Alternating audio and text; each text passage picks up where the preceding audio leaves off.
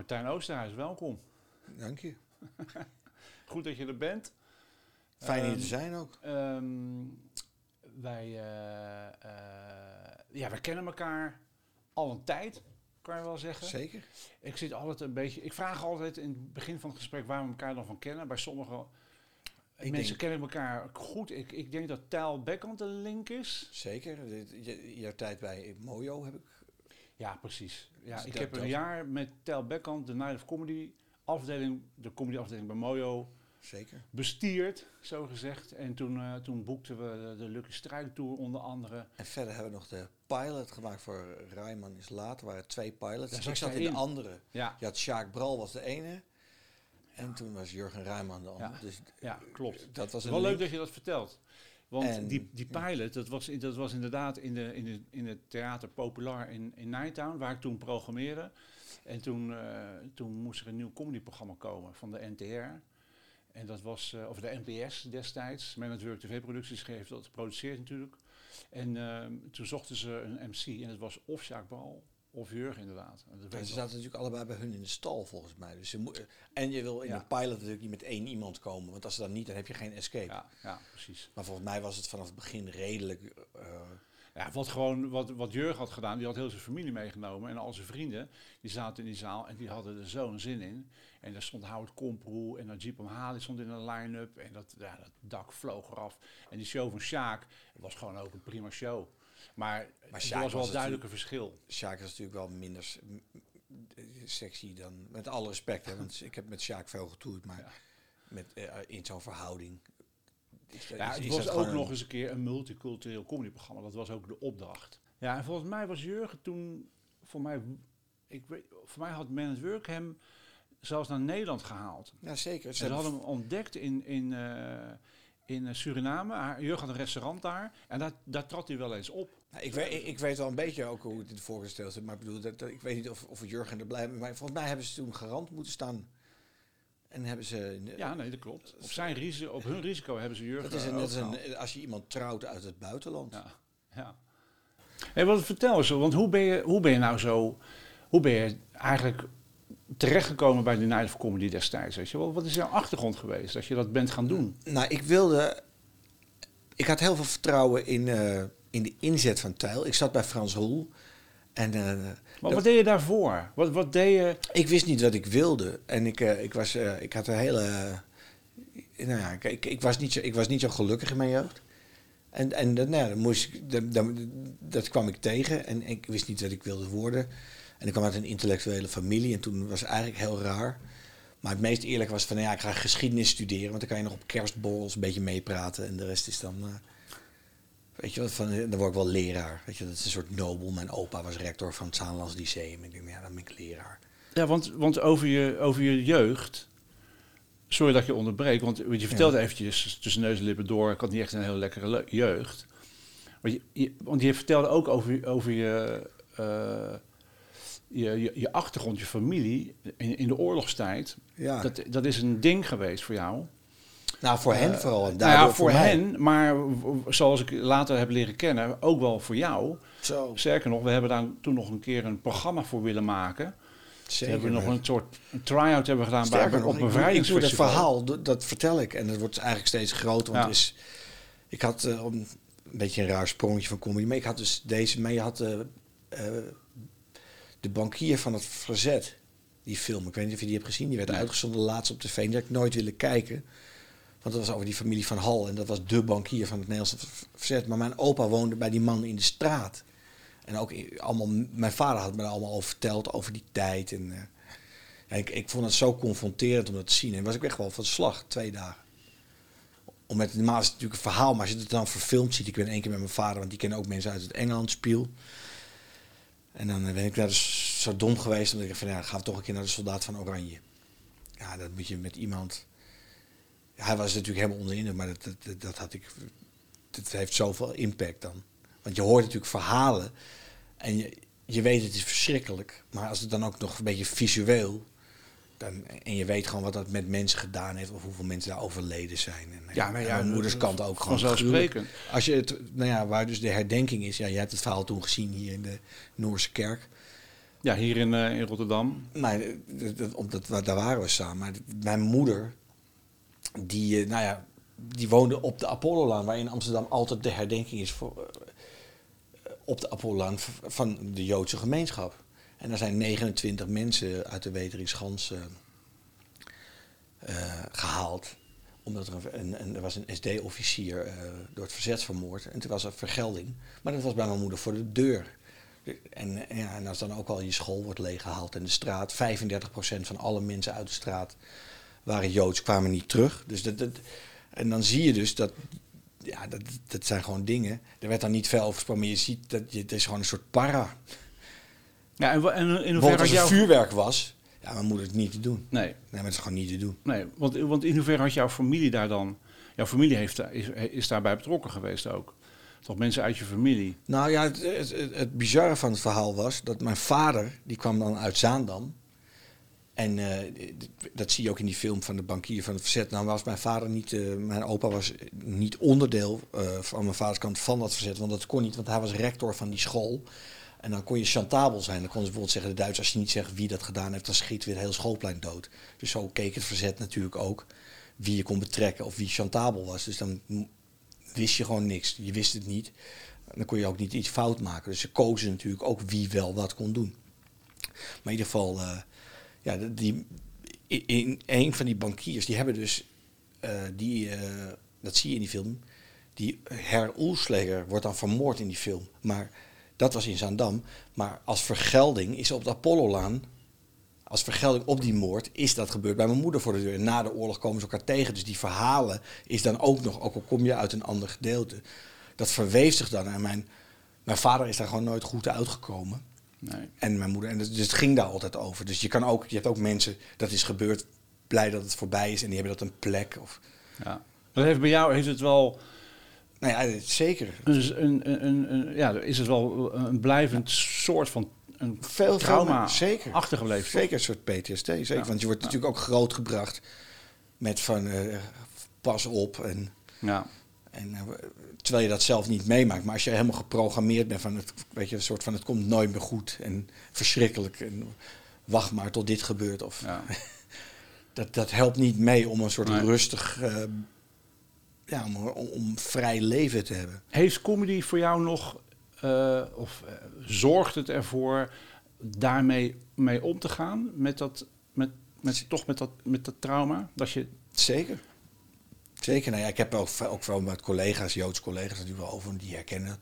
Ik heb ook wat met Micha Wertheim erover gehad. En zo, ja, die kennen dat natuurlijk. Als, je, als jij eh, Joodse comedian bent, een Wertheim, dan heb je natuurlijk ook mensen om je heen die, eh, ja, die natuurlijk of vergast zijn of ja, verschrikking. Dus die verhalen, andere mensen zitten daar niet op te wachten. Als je gewoon leuk naar de film wil, mensen willen gewoon gezellig. Maar ik, ik, ik, ik, eh, heb wel geleerd hoe je bullshit kan de- detecteren en wat nou echt belangrijk is. Want heel veel mensen lullen ergens omheen. ja. En pijnpunten benoemen, omdat ik die natuurlijk helaas meer herken dan een ander. Daar zit comedy in pijn. Ja. Ik ben nog altijd benieuwd hoe je dit verhaal, want we hebben dat toen getest inderdaad, wat je op 5 mei, kan combineren met, met comedy inhoudelijk ook. Want dit is Ja, een heel dus je- serieus je moet, verhaal je, wat moet er een plek voor hebben. Ik, ik, ik heb wel eens aangeboden, was, dat was eigenlijk voor mij heel verdrietig. Ik had toen, in, eh, omdat natuurlijk de Toemler aan de Apollolaan is. Maar omdat ik niet vast lid was, wat heel raar is, want het is natuurlijk dode herdenking en 5 mei, had ik aangeboden om, om uit die club, in dat, die club dat te vertellen. En, En waarom- en dan gewoon gebeurd? langs het huis van mijn moeder, langs al die scholen waar het gebeurt is. De Gerrit van de Veenstraat, van de beroemde Verzetstraat. Gewoon, gewoon een soort stadswandeling eens per jaar. Maar, maar toen zei ze, ja, maar je bent niet van de Toemler. En toen was ik een beetje in shock, want dat verhaal is dat verhaal op de plek. En dat dat dan toch nog, eh, dat, dat, eh, Ja. dat het dan om zaken gaat. Ja. Dat Heb je dat mij- onlangs nog aangekaart? Want wellicht dat, dat ze daar nog oren naar hebben, toch? Nou ja, nu is het een andere tijd. Vroeger was er een soort Ajax-Feyenoord misschien. Maar ik was daar nooit onderdeel van en ik hou daar ook niet van. En ik zat er altijd En wie was dan. Ajax, wie was Feyenoord? Ajax Nou, ik was dan denk? Ajax, denk ik dat dat, dat is zeker eh, in, de media, of de grootste club was, was de Toemler qua PR, qua, qua En netwerk. Feyenoord, daar bedoel je dan denk ik Comedy Café mee. Zeker. Max Euwenplein. Want wat er gebeurd was, ooit zat natuurlijk de Toemler in het comedycafé, maar ik bestond ook als comedian, maar niemand kende mij. Ja. Want hoe is dat En- begonnen? Misschien moet je even vertellen. Nou, het is een heel naar verhaal, maar ik, ik weet niet of, of, ja, dan- of dat voor de, voor de luister. Maar wat er gebeurd was, de oud-eigenaar van het Comedy Café, de eigenaar hadden een conflict met Raoul Heertje. Dus de hele comedy hadden onaangekondigd gezegd, we komen niet meer, dus je hebt geen act, soort staking. ja. Maar ik was gewoon te boeken. Maar zij kenden mij niet. En ik had redelijk wel ook talent. Dus de, al die jongens kwamen niet En meer. welk jaar speelde dit ongeveer? Ik denk 94, hou me te goede. Maar het Ja. zijn maar begin jaren 90. En eh, dus ze belden. John Feely, die ken je wel. Nou ja, je had een paar jongens. Tom Slichting, John Feely. Maar ja, en natuurlijk Kelly werden dan later gehaald. Maar wij zaten... Kelly Ik was, ik, was, ik was gewoon comedian. Ja. Dus zij, zij staakte. Ik werd wat kan je? Ik was goed en ik kwam. Maar daarmee was ik waarschijnlijk in hun ogen. Ik wist niet wat er achter de schermen speelde. Ik had gewoon een boeking. Dus die club was gelijk uitverkocht, stampende recensies. En het ging gewoon door. Dus in de plaats van een staking. Dus in hun hoofd was ik natuurlijk een stakingsbreker. Ja. Die gewoon het hele systeem had. Maar ik, was gewoon een te boeken comedian. En daar was een soort rivaliteit. En die club ging dus heel goed. En toen ging er dus, ja, toen werd het dus ook gewoon, omdat die club niet klapt, werden rechtszaak. Nou, maar alles, ik was gewoon een comedian, maar ik zat daar middenin, want ik was, de, ik was binnen no time, omdat ik dus die plek had en mensen konden zien dat ik bestond, werd ik gewoon gerecenseerd als, als ja, dat klinkt misschien arrogant, maar toen toch wel een van de betere, zo niet de, de jong om te zien in Amsterdam. Ja. Ja. Ja, en dat was natuurlijk helemaal niet de bedoeling. Maar ik wist dat oprecht niet. Nee. En dat was voor mij heel pijnlijk. En dat heeft me ook heel veel later eh, ja, nadelen. Want dan konden ze jou blokkeren en dan op tv. Nou, in ieder geval, dat is allemaal onzin is geweest. Maar da dat was de basis van dat idee. Want ik, ja, ze dachten gewoon, ja, wij zijn de comedians, wat moet je zonder ons? Maar ze Ja. wisten niet dat, gewoon, dat ik er ook gewoon was. ja. Maar goed, nu andere tijden, wellicht. Zeker, Dat, dat ze, zeker. Dat ze ik zou het heel graag zouden doen. kunnen zijn. Tuurlijk, in, ik heb, eh, ik heb wel, was wel heel leuk. Ik heb wel, toen mocht ik, eh, het was bij Echt Gebeurd. Dat was van Michael, Werner, had ik aangekaart om dit te doen. En toen kon het ook niet, omdat hij zei, ja, ik zit voor jou met een, ook een echt gebeurd verhaal over oorlog. En, eh, Ja, hetzelfde. dus dan is het, weet je wel, als je dan twee straatje. verhalen en je gaat gewoon uit met je vriendinnetje en je krijgt twee van die verhalen, dat zijn wel Ja. dingen. Want dan is gewoon, ja, ja, dan ben je een soort gothic, dat is wel een zware film. Als het alleen maar gaat over bieten eten en, en hoe je gewoon met een restant vriendje, zeg maar met een aardappelschilmesje iemand moet beter maken op een keukentafel omdat je niet naar een ziekenhuis kan, want die van de Duitsers. Dat, na een tijd heb je dat wel gehoord, weet je wel, als je voor een leuke avond komt. Hey, want hoe, in het begin, hoe, hoe is het dan dus... eh, nou, je vertelde eh, over het Communicafé. Een tel backhand, weet je wel. Je bent het op een gegeven moment gaan... Ik zat bij Frans Hoel, daar, daar- Ja. daar waren we gebleven. Ik Ja. zat bij Frans Hoel, en, eh, want zo kom ik bij jou in Tel. En de manier waarop hij, zij dat deden, dat was vroeger zo... Ja, sorry, ja, ik onderbrak je. Je vertelde gewoon dat je vroeger altijd verhalen vertelde. Dat, dat je eigenlijk de, de, de, de, ja, de lol aan je broek hing, zo gezegd. Ehm, en, en dat besloot je om, om, om hiermee verder te gaan. Nee, het, was, het was zo heel kort. Mijn broer wilde comedian worden en je had open bak. Ik zat in de Engelenbak met mijn broer en ik zat er helemaal doorheen. Nou, je kent die periodes van mij. Ik dacht van, ik was niet zo happy. Dus mijn broer zei, kom, ik ga comedian. Dus ik ging met hem mee. En er was een cabaret, cabaret cyclet. Ik weet niet of het nog bestaat, maar in ieder geval. En mijn broer wou comedian. dus begin jaren negentig hebben we het over. Ja, en mijn broer die ging naar de open bak iets doen. Dat viel niet super. Maar die presentator, die, die, zei, die gaf hem ook nog een trap na. Hoe, wie was dat, die, die presentator? Cabaret Cyclet, ik weet niet wie dat was. Nee, maakt niet. Maar ik, ik dacht van dat is niet netjes. En aangezien mijn broer en ik best wel loyaal naar elkaar zijn, dacht ik, dat gaan we niet doen. Nee.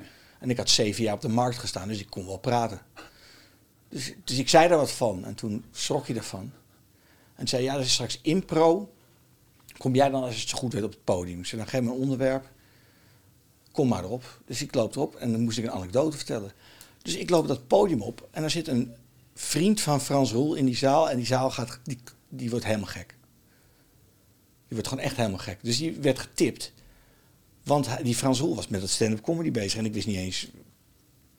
Hij had een, een man nodig in de Bellevue. En had eh, in een show met een verhaal van zes minuten. En blijkbaar was mijn verhaal zes minuten. En had iemand gezegd... Hé hey man, je moet toch zes minuten een anekdote hebben van een gast in Amsterdammer. ik heb gisteren iets gezien.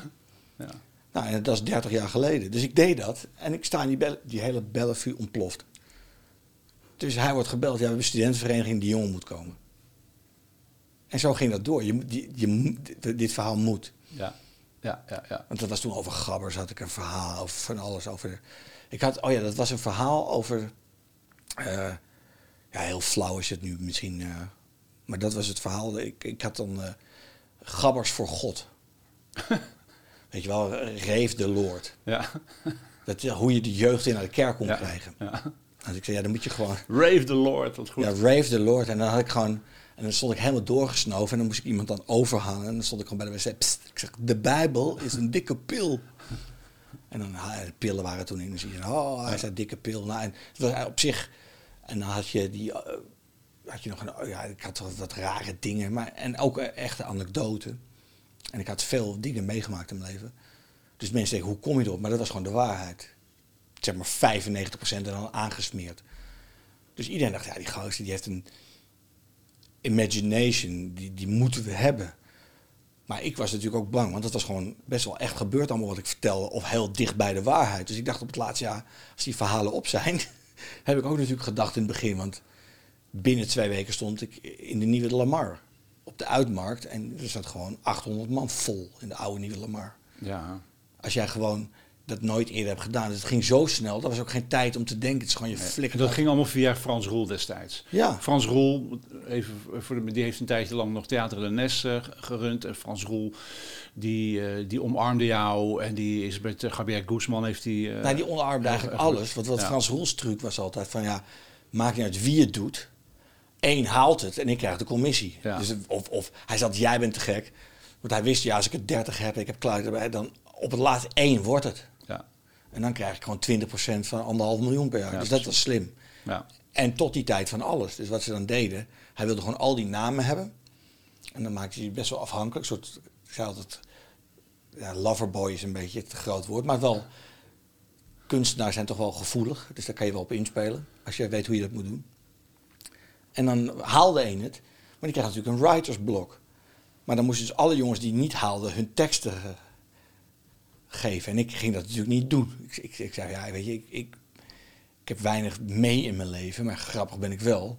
Ik doe het niet voor het geld. En dan was ik wel tandarts geworden zoals mijn vader. Of had ik gewoon andere keuzes gemaakt. Want aan geld, dat, was niet een ding toen. Nou, dus, en zo, dus ik deed dat niet. Dus Frans Rol werd langzaam, merkte ik.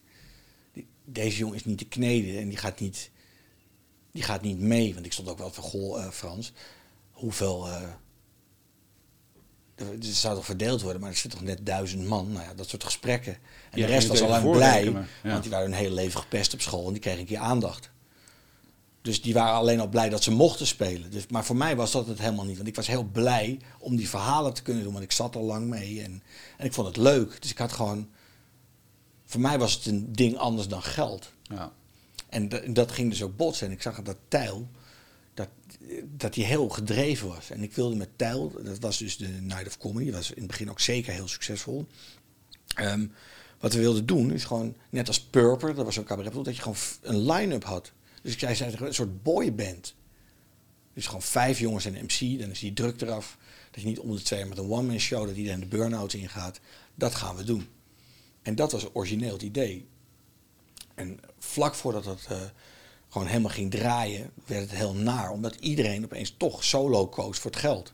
ja. En dit was, dit was eind jaren negentig? Nou, je moet voorstellen, je had dan een line-up, was vroeger. Maar welke tijd was dit? Eind Ja, jaren eind negentig? jaren 90. Ja, ja. Vlak voordat ik... ja, Toen, toen moest ik one-man shows, dat moest. Ja. Het was nooit mijn wens om one-man shows te doen, want ik vond line-ups heel leuk. Omdat ook de gezelligheid in zo'n bus. En het jammere was dat als je in een line-up staat met echt hele goede namen, dan word je zelf natuurlijk beter. Dus, dat inspireert, want je gaat niet Ja. als, Jim, zeg maar, als vroeger als we in de line-up, als je Jim Speelmans had, die gewoon met een gepolijst haal dak eraf ging als eerste, en Bob was geweest, dan ging je echt niet in je hoofd halen om gewoon, althans ik niet, dan moest je in ieder geval overeind blijven. Nee. Dus iedereen was gewoon aan. ja. Nee, het was een heel gezonde eh, Want synergie je- eh, weet wat, als, jij niet, als jij niet scoorde, dan was jij gewoon de enige. Ja. Dat dacht iedereen. Dus iedereen was gewoon aan. En daarna was het natuurlijk gekkenhuis, soort rock and roll en drankjes. Ja. Maar het, het was zo inspirerend. We- In het begin gaven we elkaar ook opdrachten, weet je wel. Dan zei je van, oké, eh, omdat iedereen natuurlijk zijn trucje kon afdraaien. Maar om dat te voorkomen, kreeg je wel eens van, jij begint vandaag met deze zin. Dus hij had gewoon John Feely hem helemaal gerokt. En dan kreeg je gewoon een zin van iemand. En dat was jouw openingszin. Om het dus spannend te Ja. houden. Want als je 250 shows, anders word je gewoon een soort malle, word je een zeehond met een Ja. bal op je neus. Ja. Nee, heel tof om dat op, op die manier te doen. Je hebt een keer meegedaan met So You Think You're Funny. Nou ja, dat, dat, Hoe ben je daar, naar, hoe ben je daar naartoe? eh, hoe, hoe is dat gegaan? Nou, ik was de meest geboekte comedian toen van Amsterdam, zeker. En, eh, maar omdat je dus helemaal geen goede Nederlanders had, wat deze nou, had je dus via John Feely en eh, andere Engelsen, hadden we dus een Engelse line-up en je was als Nederlander te gast. Want in Amsterdam spreekt iedereen Engels, hier in Rotterdam ook. Dus dat was makkelijker. En daar was de concurrentie heel hoog. Dus mensen wilden heel graag naar Nederland. Dus ik was altijd die gast. Maar sommige van die Engelsen, omdat het ze misschien of te snel praten of een accent, die blies ik gewoon weg. Dus die waren met al die managers.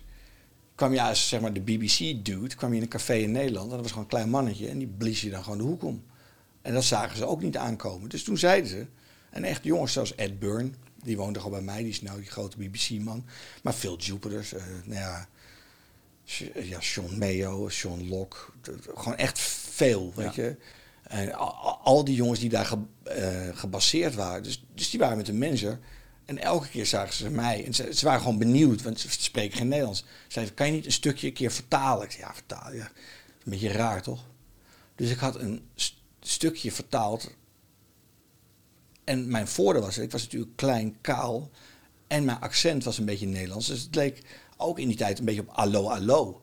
Dus zeg maar wat Philip Goebbels heeft in Nederland...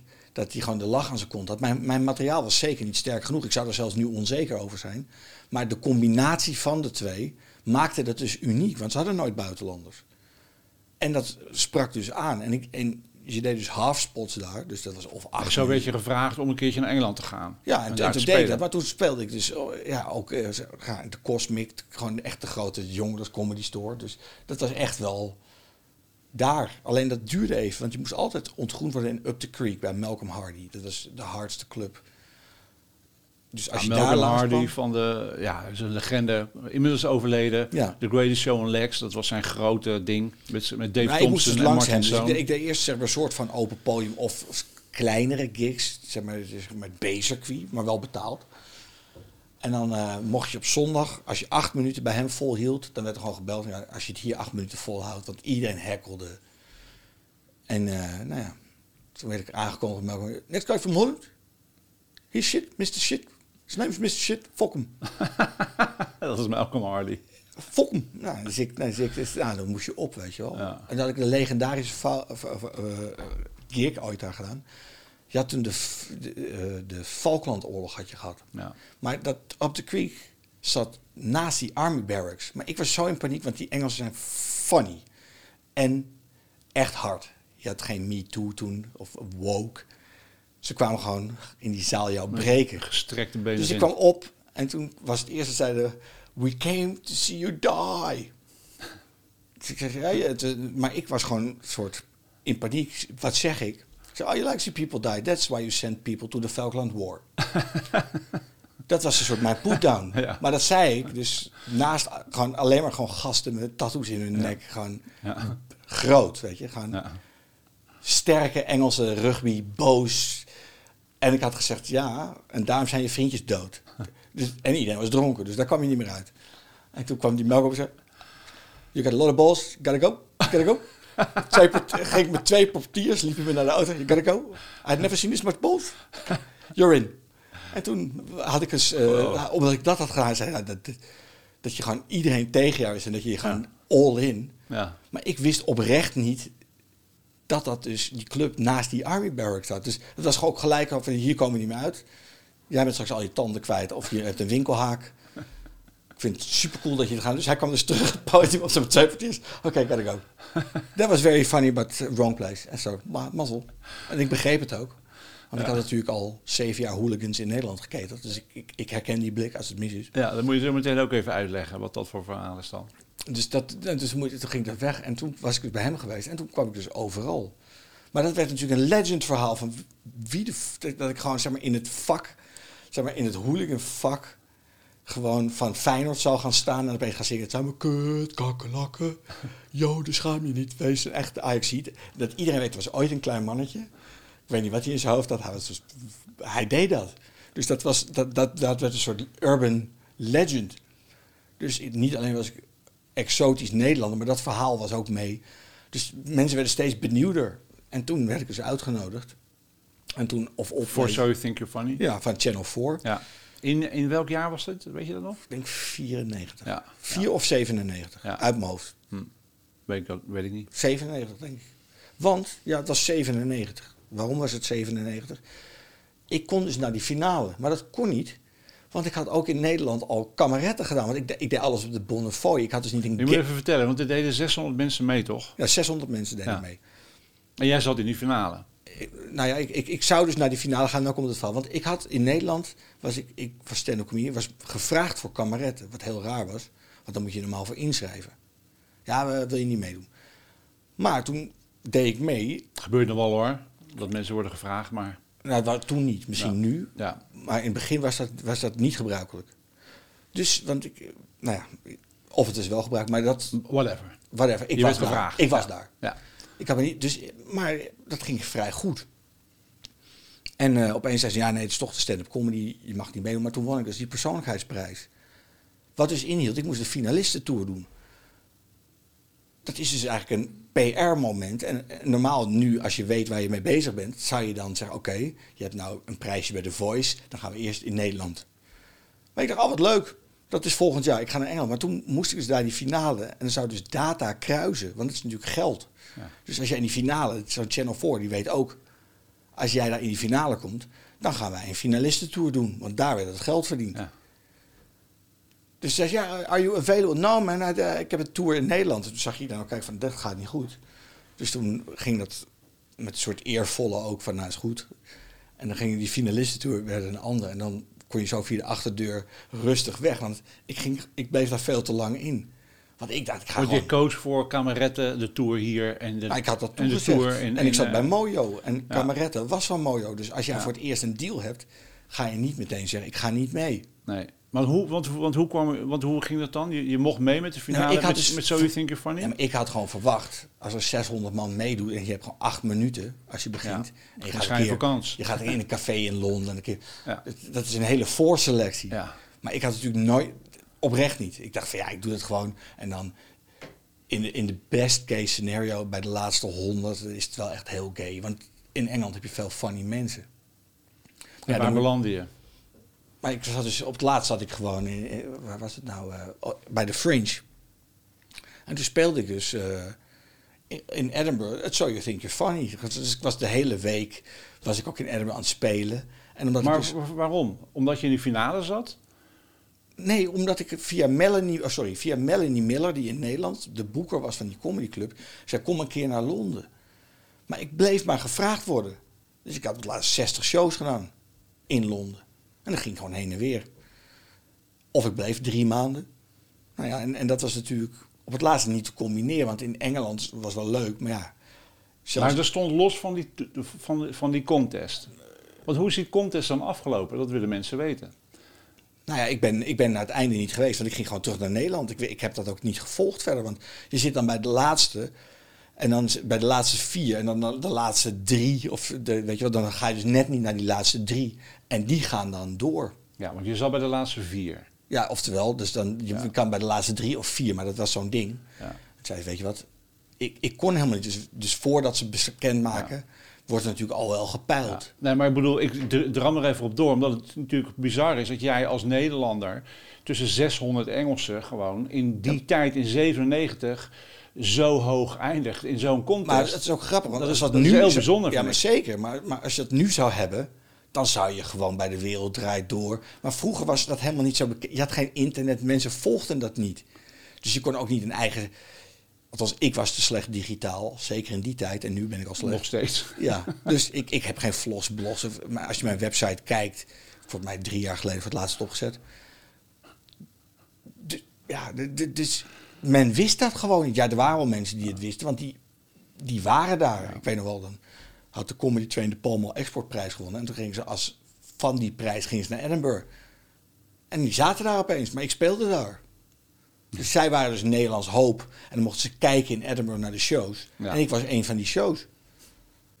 Maar ik was, ik, dat- stond niet in een krant. Ja, maar dat, is, dat is echt hartstikke maar dat was wel echt waar. Maar ik was er al heel blij mee.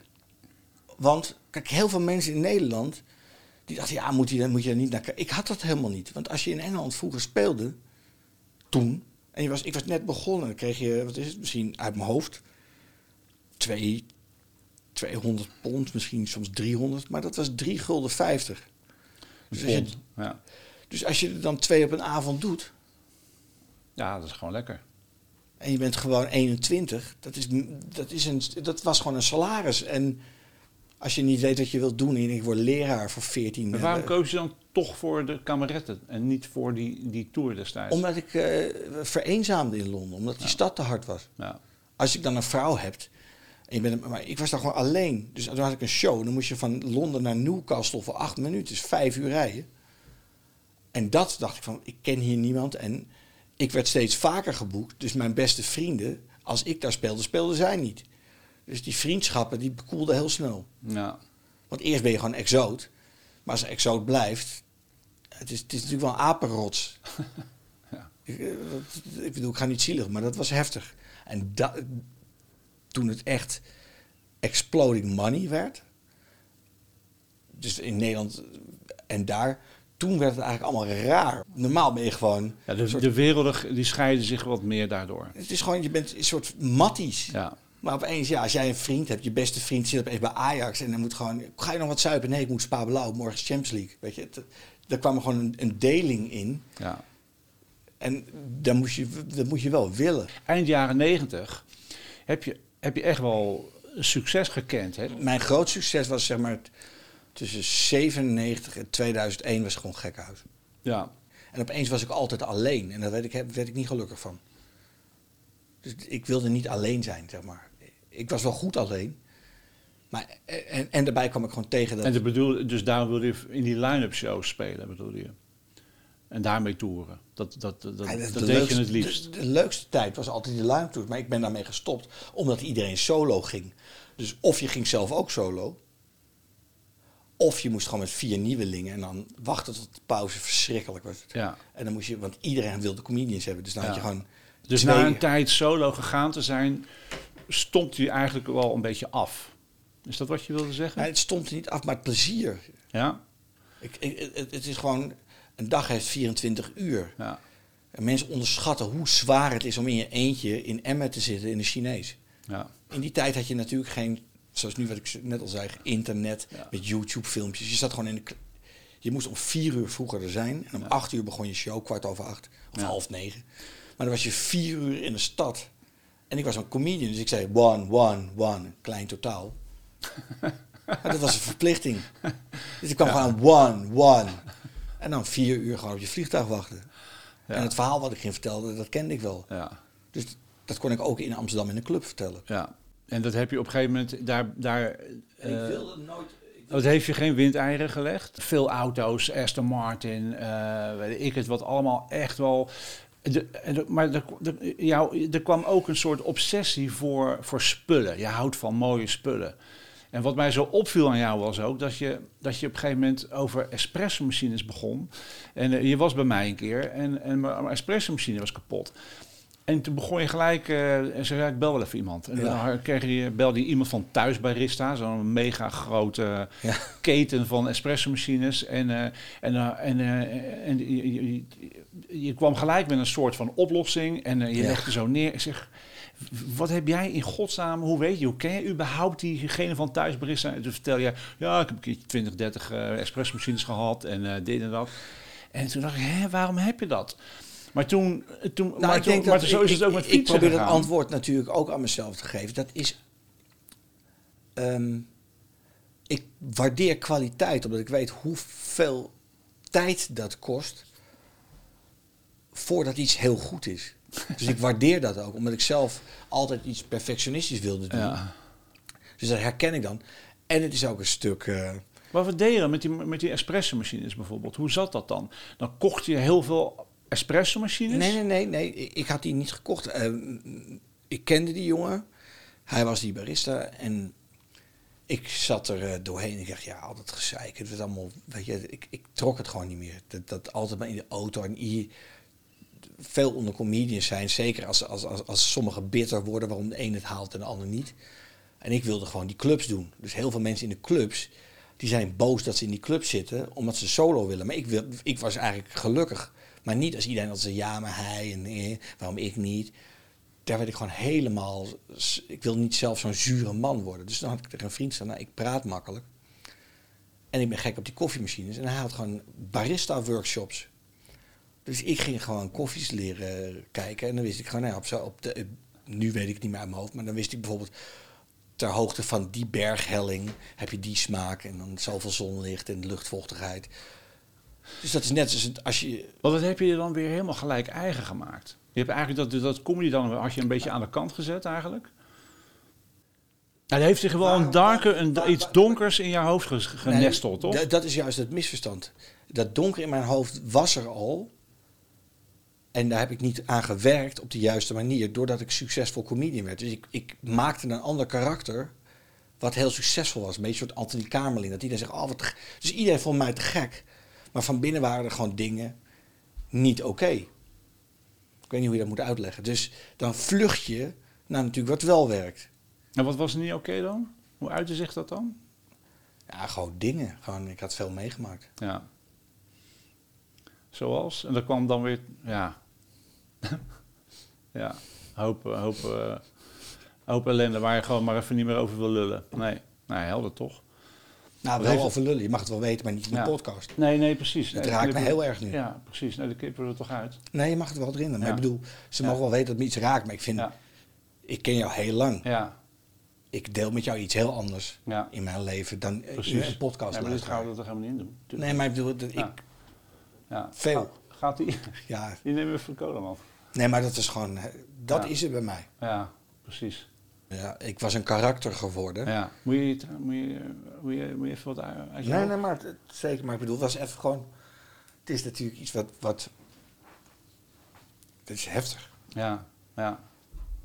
Ja. Ja. Ja, ja, is, ja, Nee, daar kan je niks aan doen. nee. Ik had het ook niet verwacht, maar soms. Dat is juist fijn, dat is waarom deze podcast zo goed is. Want Mhm. ik kan dat aanraken. Mhm. Ja, ja, Dus het is gewoon echt. Dus het, het mag ook allemaal dit. ja. Maar dat is gewoon, ja, dat is gewoon. eh, Het was gewoon, je hebt, er zijn, gewoon heftige dingen, zijn gewoon heftige dingen gebeurd. En, eh, en dat heeft je wel eh, op een gegeven moment wel een beetje doen stoppen eigenlijk. Met die, met die hele scene. nou, maar dat had niks. Dat zat in mij, niet in die comedy. Alleen ik had de comedy scene en dat succes gebruikt om niet aan dat stuk in mezelf te werken. Ja, En op het laatst kan je niet meer rennen. Dat is hetzelfde. Het is, het is, het is natuurlijk drugs. Als je, op zo'n- als je succes hebt, dan krijg je zo'n boost en dan, dan is het weer even goed. Maar op het laatst had ik steeds meer nodig. Of spullen, of om nog dat te voelen. ja. Je dook ineens helemaal in het berichtenwereldje. Je wist alles van koffie. Je weet alles van espresso-machines. Merken, noem maar op. En dat, dat had je ook met fietsen trouwens. Want sterker nog, nog... sterker nog, toen ik bij jou thuis kwam, wist ik dat jij 2 pk in je blender had. ja, ik heb een blender. ik noemde dat merk en wist gewoon die specificaties. Inderdaad, 2 pk. De Blendtec. Geweldig apparaat. Ja. Die, die reclames zijn ook blend, heel goed. Will it blend. Ja, dan gingen ze de nieuwe iPhone en de nieuwe Samsung gingen ze dan, gingen ze dan helemaal aan gort blenden in dat ding. En er kwam er echt poeder nog uit. En dat was fantastische reclame, vond ik. Ik heb dat trouwens nooit gehad met sport of zo. Of, of- of- of- of- maar gewoon. Bijvoorbeeld, iedereen wist altijd van de Tour de France. Maar ik was altijd zo. Ik denk niet. En, en wie, die, wie dat wint, ik wist dat nooit. Maar ik denk van wie heeft gewoon die fiets gemaakt? Ja, precies. Dat heb ik dus eigenlijk ook. Dat je gewoon denkt van die mechaniciens, die moeten ook het hele Ja. circus mee. Niks Ja. de gele trui. Ja. Maar als hij die schroef anders aandraait, scheelt dat 0,1 Ja. seconde. Ja, want dit is wel mooi om te vertellen. Want jij, ik hou heel erg van fietsen. En ik was een hardloper. Ik heb gewoon, of gewoon, ik heb drie keer de marathon gelopen. Klaar. Eh, mijn knieën gingen naar de, naar de donder. Eh, ik vond het niet heel erg interessant. Racefietsen vond ik ook altijd wel mooi. Nooit echt gedaan. En toen vertelde jij een keer dat je fietsen had. En toen nodigde je me een keer uit, kom laten we een keertje gaan fietsen hier in de duinen. En dat, dat, ja, dat trok wel. En ik had niks. En zei jij, ik heb al een paar fietsen. Nou, toen vertelde je dus dat je heel veel fietsen had. Eh, ik denk, waarom weer gelijk heel veel fietsen? Dat is me altijd... Maar goed, Maar, maar dat, toen dat, had was, je er dat al was, aardig wat van de hand gedaan. ja, maar dat was gewoon toen een probleem. Die fietsen van veel dingen, eh, dat, dat- was gewoon niet oké. en waarom niet? Nou ja, dat was omdat Dat ik... is eh, ook weer omdat je, het was zoveel ik meteen. ik, ik wil, nee, maar ik heb altijd, ik weet niet, omdat ik kijk eh, wat er om mij heen gebeurt. Ik wist gewoon opeens van ja, alles wordt eco. Dat voelde ik of zo, dus dat moet fietsen worden. En dan zag ik die bike messengers. Ik denk, ja, dat wordt straks heeft iedereen een, een legging aan en met een snor. En dan willen ze zo'n fiets hebben. Dus voordat dat gebeurt, moet ik ze hebben. Ja, en dan met name de vintage fietsen. En niet gewoon. Ik had gewoon een Udo de Rosa uit Ja. 1972. Er waren er twee van op de wereld. Ja, En die was van ja handgebouwd door Udo de Rosa van Conago. Maar jij koopt dat dan? En, maar toen op tijd, dus, die had ik dan gekocht. En daarna werd het natuurlijk hip. En toen kreeg je de bike museum, en dan kreeg je hipsters en bike messengers. Ja, je, want van, zoekt ook trouwens, altijd wel naar het verdienmodel van, van nou, niet het verdienmodel, maar ik, ik vond het mooier eerder dan een hipster. Ja, Dus toen ik er klaar mee was, toen begreep iedereen het pas. ja, ja. Ja, jij, had, jij wist Ik zag het gewoon, maar ik zag het niet aankomen alleen voor de handel. Maar ik, ik zag gewoon, dit is zo mooi en het is, wordt ondergewaardeerd. Ja, Je kon gewoon in die tijd kon je gewoon, je kan gewoon een, een, een, een fiets gewoon op Tour de France niveau tweedehands kopen. En toch gaan mensen op een swapfiets zitten. ja. Dat kost 150 euro per jaar. Als je dat twee jaar doet, daar heb jij gewoon een- een- op Marktplaats een Colnago voor. ja. Als je weet hoe je zoekt en je hebt geduld. Ja, dus ik begreep nooit Ja. dat je niet het beste van de wereld wil. Terwijl dat kan. Dus het was ook nog eh, eco. Ja, ja Want precies. nu ook als je bij mij thuis zou komen, alles is... Ik heb geen dingen die eh, jonger zijn dan ik. Of, of zo oud. Dus iedereen zegt, wat woon jij modern? Want het is allemaal gewoon uit 1958 bizarre rakenlampjes. Maar het ziet er heel modern uit als je binnenkomt. Ja, je hebt echt smaak. Ja, maar dat had je dus ook. dat- Ja, dat heb je echt. Je, je, je, je, je waardeert mooie spullen. En dat, dat in, in alles. Ja, maar jij ook. Maar daarom, dus ook- daarom maar het is ook klik. Ja, maar, maar met die fietsen dus, inderdaad. Maar ik, heb het niet dat- ik ben niet dit afhankelijk van die spullen. Want als het niet kan, Nee, oké, Maar, nee, maar dat is wel een verschil. Er zijn mensen die kunnen ook geen afstand doen van spullen. Ja. Dus mensen die mij verkeerd begrijpen, denken, oh, dat is zo'n oud Zuid-Jup. Die wil even zijn spullen laten zien. Maar ik heb die spullen niet nodig. Nee. Ik heb ze als het kan. En als het niet kan, ja, dan is, het ook allemaal weer weg. Zo'n auto heb ik het meegemaakt, bucketlist. Ja. Maar wat zo mooi was, dat jij die... Jij vertelde dus over die fietsen. Je zegt, kom een keertje dan naar Den Haag gaan we fietsen. En ik heb nog wel een paar fietsen. En, eh, Ook in en jouw toen, maat? En toen had je dat in mijn maat. En dat was een Colnago, een blauwe. En eh, hartstikke mooi ding. En toen zijn we gaan fietsen. En, eh, en eh, je had nogal... Ik, ik had gewoon een, een of andere trainingsbroekje aan. Of een paar schoenen had jij geloof ik nog. Ja. En een helm had je. Je had eigenlijk alles. En toen zijn we door de duinen gaan fietsen. En ik vond het Een helemaal mooie gek. tocht. Mooie tocht. Hartstikke leuke tocht. En, en, en, ik- en er is nog een foto van. Dat ik met Sterker jou nog, je hebt die fiets nog. in die, in die, in die duinen sta ik met die, met die fiets.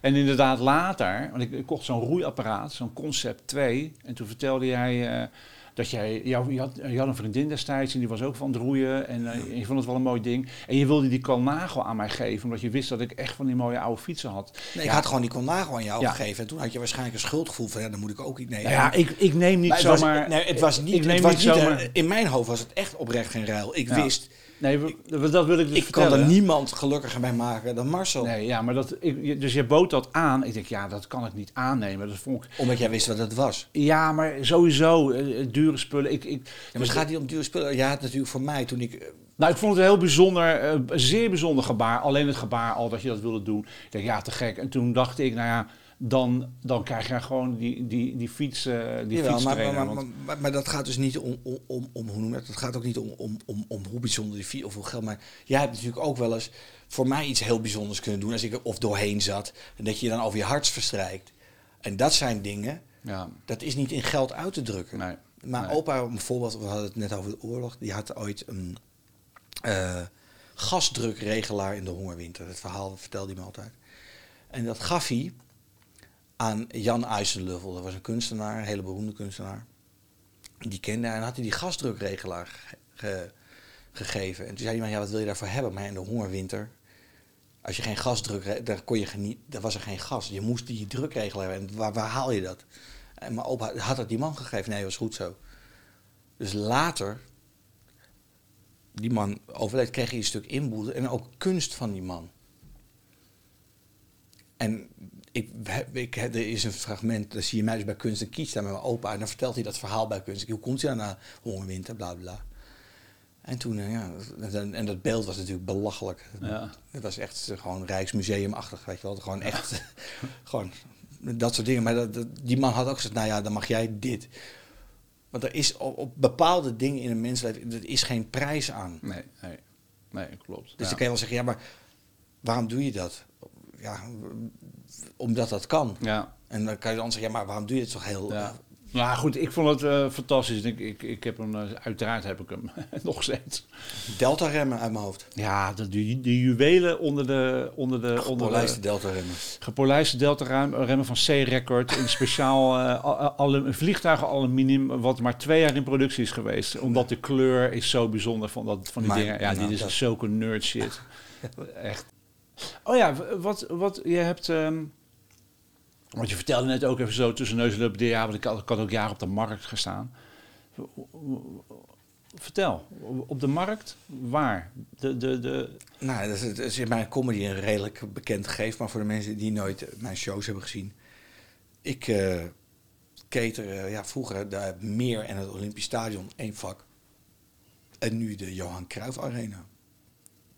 Nu is het dicht natuurlijk al een jaar. Maar, maar Maar de markt, je bedoelt dat je bij de stadions vroeger, vroeger stond. Ja, ja, maar daarvoor stond ik ook in de stad. ja, ja. Ik Want was, je ik was zeg maar een- een school drop-out. ja, En ik had je natuurlijk... had een hotdog tent. Ja, nou, het was, er, waren, er waren hotdogplaatsen. Ja, En in Amerika was dat heel groot. En ik had vroeger als kind gehonkbald. En ik dacht, waarom is dat hier niet? Nou, bij een stadion. Maar ook gewoon bij het Van Gogh Museum, het Ja. Rijksmuseum. En, en vrienden hadden dat begonnen. En, eh, wat, en ik dacht, dit wordt het. Want ik was ooit, ik weet niet of je weet wie eh, Rudy Lubbers is, de bokser. Nee. Zijn zoon. Wij waren allemaal mislukte kinderen. En, en nou ja, ging niet goed. En ik zei, joh, ik heb wel een baantje. Zo'n half zigeuner. En toen kwam ik dus ja, een soort, in een soort romantische piratenwereld. En toen hadden we van die Vespa's, die tralalala, twinlili. En daar zaten drie pannen achterin. En, en hadden we zelf soort van vergunningen bedacht. En, en, en, dan- en dan reden we gewoon rond.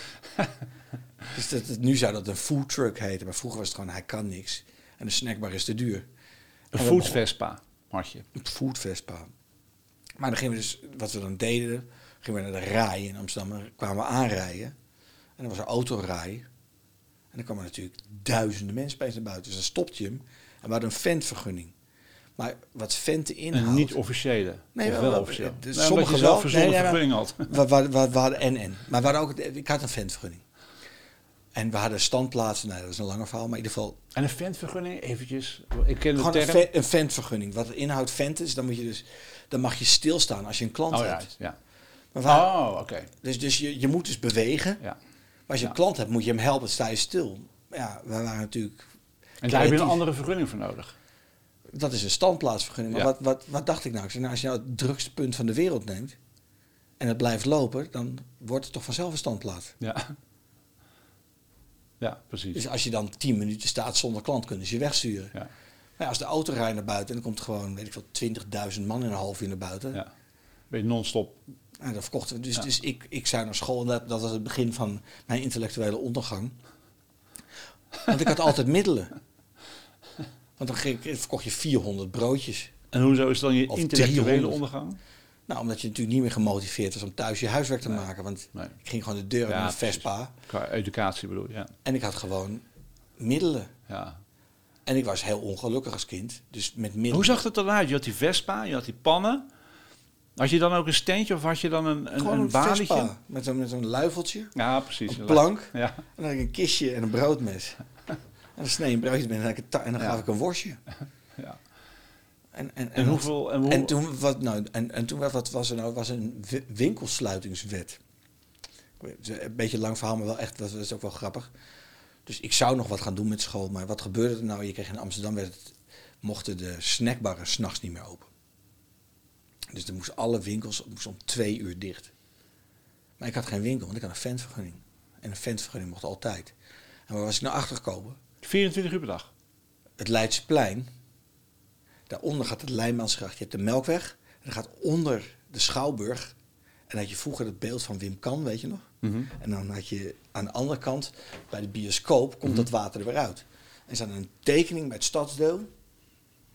En het grens van het centrum is die kade. Dus ik stond bij dat beeld. En onder mij was dat water. Dus ik stond op de grens, net een lijnrechter. Dus je kon mij geen boete geven. Maar er was geen eten meer na twee. En iedereen was helemaal lam in Amsterdam. Dus ik kwam in de nacht. En dan pakte ik uit. Ja, iedereen helemaal lam. Zout en mosterd en saus. dus dat was elke donderdag, vrijdag, zaterdag deelde die gewoon uit.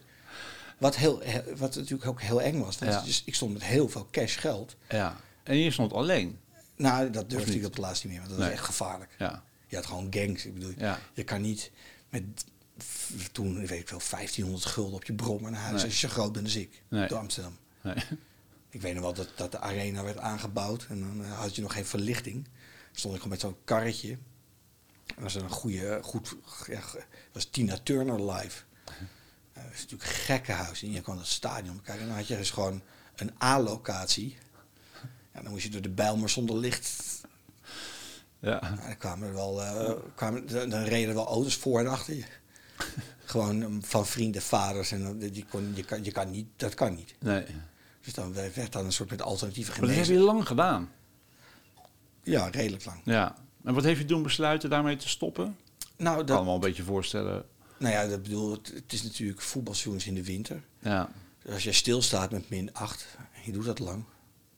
Ja. Maar je kan ook een fles wijn krijgen in de club. Ja. Een bos bloemen en wat Ja. bent u geweldig. Ja. Dan dacht ik, nou, dat is wel warm. Ja. En iedereen gilt en anders sta ik gewoon een soort, eh, wie, wie maakt me los? ja. Ik dacht, ja, wacht eens In welke jaar, jaren waren dit? Begin jaar 94. Ja, precies, precies. Ja, ja, ja. Drie, ja dat was voor je... Voor je Voor je gewoon helemaal, helemaal het begin. Ja. Ik had een marktstal. Ik was een taxiconcept begonnen. Mensen naar huis rijden in een eigen auto. Met een vriend. Maar eigenlijk was ik gewoon... Ik was best wel verloren.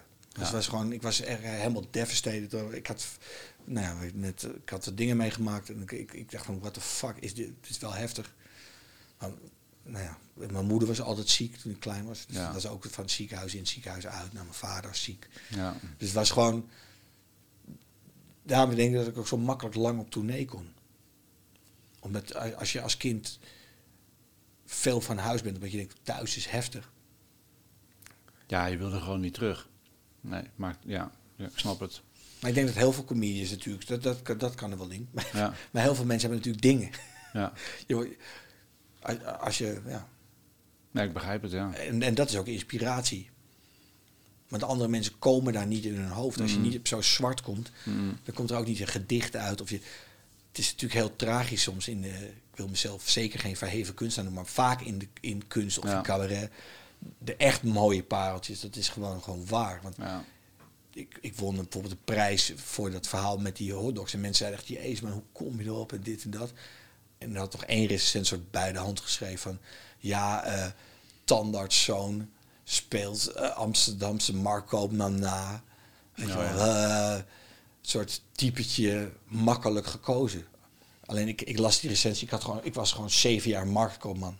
Je deed dat gewoon. Je ik was deed dat. gewoon echt. Dus dat is heel raar als je dan een recensie krijgt Ja. van... eh, dat, makkelijke keuze, weet je wel. Hij doet een hooligan na. Ja. Een soort van, dat heeft Kees van Koten ook gedaan. Maar ik, ik leefde zeven jaar zo. Of, nou is hij weer, nou is hij weer tandartszoon. Ja. Maar ik was tandartszoon. Weet je, dus al mijn verhalen, Alles loopt in, is in elkaar verweven. dat, dat was Ja. zo. Dat is waarom jij, ik het zo'n goed idee ook vind. Van die zei, ja, waarom doen we daar niet een keer wat mee met die verhalen zoals toen in die Noorse kerk? Want dat is gewoon, ik kan nog mijn tekst niet kwijt zijn, want het was zo. ja. Dus heel veel mensen zeggen altijd, ja, je hebt, ik heb dus nooit iets uitgeschreven. Nee. Ik vind het nog steeds interessant, dat, dat verhaal wat je vertelt. Het is, echt- het is een intens verhaal, het is een heel serieus verhaal. Er zit eigenlijk, bij, er zit eigenlijk helemaal geen ene grap zit er gewoon in. Je vertelt gewoon je verhaal, dat vond ik heel boeiend. Ik zou het natuurlijk heel erg interessant vinden om die combinatie te zien, weet je wel. Waardoor je Ja, het gewoon heel breed kan dragen. Je kan natuurlijk dat, dat dat verhaal gewoon technisch brengen van dat is er gebeurd. Ja. En dan hoe verknipt je zelf wordt grappig vertellen. Omdat Ja. dan, dan kan je niet mensen kwetsen. Maar ik heb natuurlijk heel vaak dingen ook niet gedaan. Nee. Of anekdotes niet verteld. Omdat ik gewoon, dat is misschien laf als kunstenaar. Maar mijn ouders leefden nog. Of ik, of Ja. ik had gewoon wel eens onderwerpen die ik niet aansneed. Als mijn oma of als er mensen in de zaal Ja. was. Omdat het dan of te plat. Ja, je wilde gewoon niet kwetsen. Nou, ik wil wel kwetsen. Maar sommige dingen, dat, dat, dat gaat gewoon niet. nee. Want je bent ook nog eventjes... Oh ja, je Millennium verhaal en, en Paradiso. Nou, dat is niet echt een groot verhaal. Nou ja, het was het, om aan te geven. Kijk, je had. In je, in je succesperiode, toen, toen mijn- heb je nog een, keer, nog een keertje gevraagd om eh, tijdens de, de jaarwisseling in Paradiso te spelen. En toen vroegen ze mij of ik in de Paradiso tot 12 uur wilde lullen en dan gewoon het nieuwe millennium. Nou, dat vond ik toch wel. Dat vond ik meer waard dan prijzen. Of als je, ik woonde ook op het Max Euwerplein, hè, dus je kon ook Ja. rollend naar huis. Ja. Daar had je een appartement, ja. ja. Dus, dus, dus en. Niet boven het Comedy Café, toch? Dat was van Ellie en Victor. Nee, maar één, één daarnaast, maar wel op dat plein. En dat, nou ja, jij kent dat verhaal. Dat was vroeger dus die Weteringschans-gevangenis. Ja, Geherbouwd. Dus vroeger zat het Nederlandse verzet daar. ja, Zo ook mijn, nou ja, de, de opa van mijn moeder. ja. Dus die is daar nog geweest en nooit meer terugkomen daarna in kamp Amersfoort weggezet. En ook die mensen die op de Apollo-laan zijn gefusilleerd, zijn uit die gevangenis gehaald, waar de eerste club zat. Ja, Dus ik leefde daar van de vrijheid van Precies. meningsuiting. Juist, dat. Terwijl een generatie daarvoor Ja, gewoon doodgemaakt of doodgemaakt. Tot de hele Gerrit van. Nou ja, ik heb met Jasper van Veen, die, die is natuurlijk van Veen. Dus die reageert ook wel eens als ik daar wat over zeg. ja. Maar dan, ja, dat is voor mij zo'n abstract verhaal dat Ja. ik gewoon 15 jaar als een prins geleefd heb van de vrijheid van meningsuiting. En dat de hele generatie. Kijk, mijn moeder leeft nog. Maar de mensen die daarvoor gestreden hebben in haar, in haar omgeving, helaas zijn die ook do- doodgemarteld. Ja, dus dat, dat, dat is wel natuurlijk tragisch. Maar ik ben dus een nazaat en ik leef daarvan. Dus het heeft wel niet alleen zin gehad, maar het is ook nog hun DNA. ja, precies. Dat vind ik toch wel bijzonder. Dat, dat is het zeker. Toch? Ja. Je, hebt, je, hebt, je hebt meerdere keren op Lowlands gestaan. Jack Kerkland was dat. Het was, het was ik, ik, ik, de eerste keer, want dat is toch eh, een Rotterdammer, Jack Kerkland. Ja, Die moest mij aankondigen. Dat was een tijd. Lowlands was dat. Ja, hij was een soort in en hij moest mij dan aankondigen. Maar hij had dus gevraagd of, of ik eh, een keer wat wilde doen, was ook zo mooi. Maar toen wist je al, iedereen is te lam en hij ging zelf niet zo lekker. Dus toen zei hij best van ja, ik, ik, ik wil hier niet staan. En niemand wist wie ik was. Ik was helemaal niet. En zei hij gewoon, Martijn Hoogtuin. Toen moest ik gewoon dat erin. En hij had een nachtclub. En toen eh, ging iedereen boer roepen. Dat was heel, grappig. Had hij me dus geofferd. En toen had hij dus een, een honkbalknuppel. En dan kwam je mij dat podium afhalen. Had hij me geofferd, die Jack Kerkelaar. Van een leuke anekdote. Ik was het voorprogramma van Michael Bublé. en Paul Enka. Echt waar. Waar was dit? Dit was toen nog de Heineken Music Hall. Oh ja, dat zei ja. Nou, dat lijkt nu een heel stoer verhaal, maar wat, wat gebeurt er? Zo'n act, die gaat natuurlijk niet een zanger nemen. Want voor hetzelfde heb je een dagje stem, die is Davina Michel voor je. Dus een Amerikaan gaat nooit een zanger. Dus die dacht, we gaan een comedian doen. Maar wat gebeurde er nou? Ik- was net ook bezig. Nee, ik was helemaal niet net bezig. Toen deed ik het al lang. Even voor het verhaal, maar ik deed het al lang.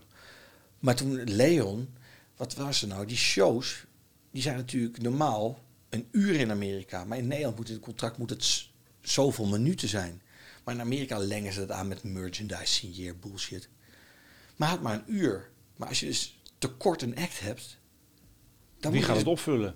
nou, niet eens opvullen, maar je hebt gewoon een contract. Het is zo lang, Ja. want in je huurprijs zit een half uur 4000 man biertjes. Dus of je neemt 4000 biertjes af en het is kort. Ja. Of je denkt, nou ja, eh, ga- we, offeren een dude. en dus, dus ik werd weer gebeld. Je moet een half uur voor maken, blij. Dus ik, nou ja, maar... En toen liep ik eh, die Heineken Musical in, voor hem. Dat is een van de mooiste, want het was zo bizar. Dat is echt eng, hè? want er komen ook mensen uit Duitsland. Die spreken natuurlijk geen Nederlands. Ja, want mijn Heineken Musical, dit was staand publiek, denk ik? Of was het Nee, dat was zitten? al zittend. Oké. En dan is het 3000? Drieënhalf, maar, geval, maar je staat niet op een poster. Dus je bent gewoon... Iemand. Ik werd de dag daarvoor gebeld van fuck, fout, weet je. Dus Ja. die manager belde. En ik zei, ik doe het. Dus ik ging daarheen, maar ik moest dus op. En, en, dat ging als een... Ik weet, ik had natuurlijk een verhaal over comedy en over... Je kent dat Lowlands verhaal. Dus mensen kwamen op een gegeven moment, wat de fuck is dit? Ging heel hard lachen.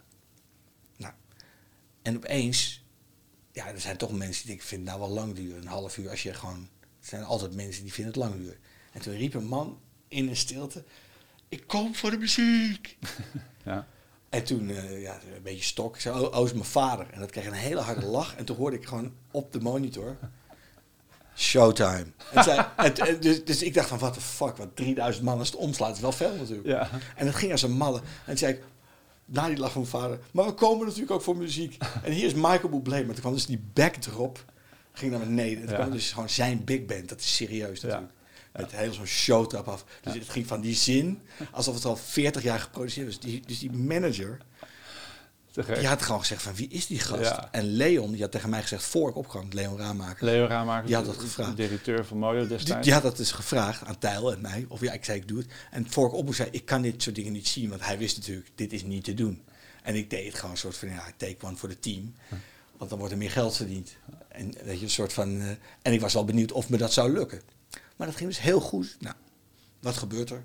Die manager is ook de manager van Paul Enka. Dus ik denk, wat een goed idee. In Nederland, Martijn Oosterhuis opent al die shit. Dus had je de, volgens mij de, Rock Swings Tour of de Kodak Tour. De Ja. Kodak Tour van Paul Anka.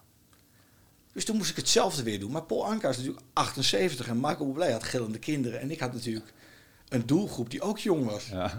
Dus opeens werd ik geboekt Hele met, een verhaal. Ja. En de gemiddelde leeftijd had gewoon een rollator. Wat zegt hij? Met, met, met, gewoon Paul Enka, My Way. Dus dat was gewoon... Ze wilden nog één keer die man zien. En ja, dat was gewoon... Dus ik kwam en toen werd het gewoon heel duidelijk dat ik dat nooit meer ging doen. Toen, toen ging het gewoon genoeg.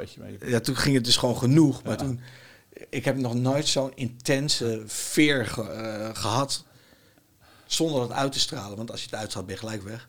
Maar dat je gewoon weet, dit, als er nu één zin niet, of nog één zin, dan ben ik dood. En toen precies ook weer had ik het soort gehaald. 7,5, helemaal niet super. Voor mijn doen zeker een, weet je, 6,8.